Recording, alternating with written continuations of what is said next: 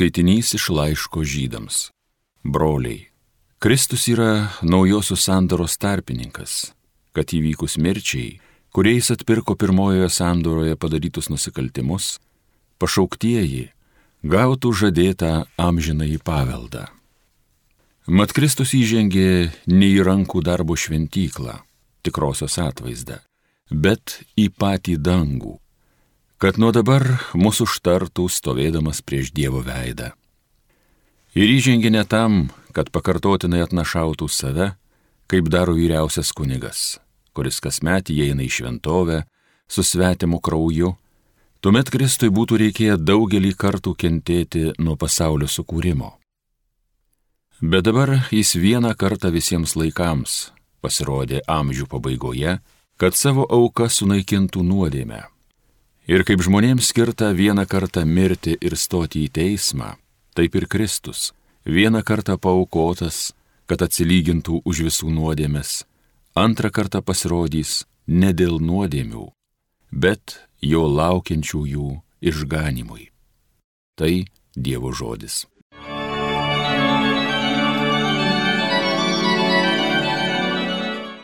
Naują giesmę gėdokite viešpačiui, nuostabius darbus jis daro. Naują giesmę gėdokite viešpačiui, nuostabius darbus jis daro, jo dešinė visa gali, jo šventoji ranka pergalę skina. Naują giesmę gėdokite viešpačiui, nuostabius darbus jis daro. Savo išganimą viešpats apreiškė, jo teisingumas šviečia pagonims, atsimena savo gerumą, ištikimumą, Izraelio šeimai žadėta. Naują giesmę gėdokite viešpačiui, nuostabius darbus jis daro. Ir mato visas pasaulis išganingai į Dievo veikimą. Žavėkitės viešpačiu šalys, šūkaukit, džiūgaukit, grokit. Naują giesmę gėdokite viešpačiui, nuostabius darbus jis daro. Viešpačiui skambinkite arfom, gėdokite pritarint kankliams, Trimitų ir rago balsai tegu aidė, valdova viešpatį, girkit audringai.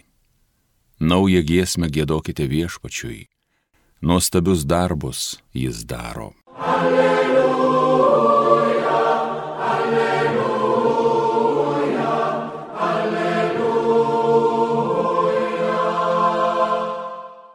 Mūsų išganytojas Jėzus Kristus sunaikino mirtį ir nušvietė gyvenimą savo Evangeliją.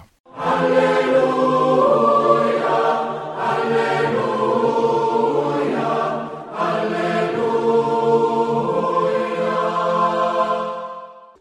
Iš Ventosios Evangelijos pagal Morku. Atvykę iš Jeruzalės rašto aiškintojai sakė, jis turi Belzebulą ir demonų kunigaikščio gale jis išvaro demonus. O Jėzus, pasivadinęs juos, ėmė kalbėti palyginimais. Kaip gali šetonas išvaryti šetoną, jei karalystė susiskaldžiusi, tokia karalystė neišsilaiko. Ir jei namai suskilia, tie namai neišlieka. Todėl, jei šetonas sukyla pats prieš save ir tampa susiskaldęs, jis neišsilaikys, jam ateis galas. Niekas neįsiveržia į galiūno namus ir nepasiglemžia jo turto, pirmiau nesurišęs galiūno, tik tada apiplėšia jo namus. Iš tiesų sakau jums, Bus dovanoti žmonių vaikams visi nusikaltimai ir pikžodžiavimai, kad ir kaip jie pikžodžiautų. Bet jei kas pikžodžiautų šventai dvasiai, tam amžiais nebus dovanota ir jis bus kaltas amžina nuodėme. Jiem atsakė, jis turi netyrąją dvasę. Tai viešpaties žodis.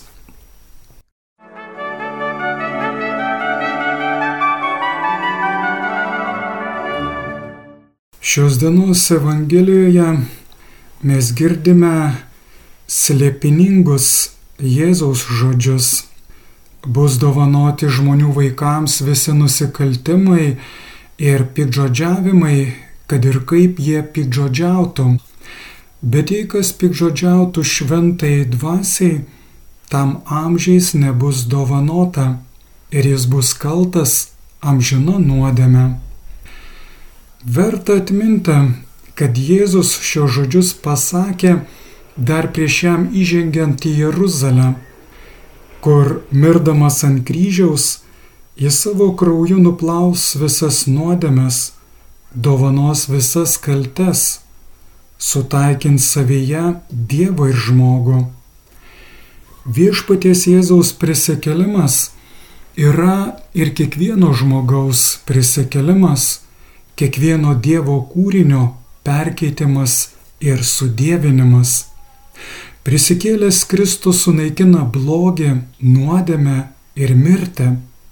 Būtų klaidinga manyti, kad jis sunaikins ar pasmerks žmogų. Todėl neįmanomas visiškas ir galutinis atpirkimo atmetimas bei pasilikimas blogyje. Blogis nėra amžinas be pabaigos. Vien tik Dievas ir jo gailestingumas yra amžinas ir be pabaigos. Neatsiras ne vieno žmogaus ir ne vieno angelo, kurie savo laisva valia pasiliktų amžinai pikdžodžiaudami šventai dvasiai. Vadinasi, tai tik laiko klausimas, kai visi Dievo kūriniai, angelai ir žmonės atsigręši Dievo begalinę meilę, kad Dievas būtų viskas visame kame. Viešpatie tau garbė.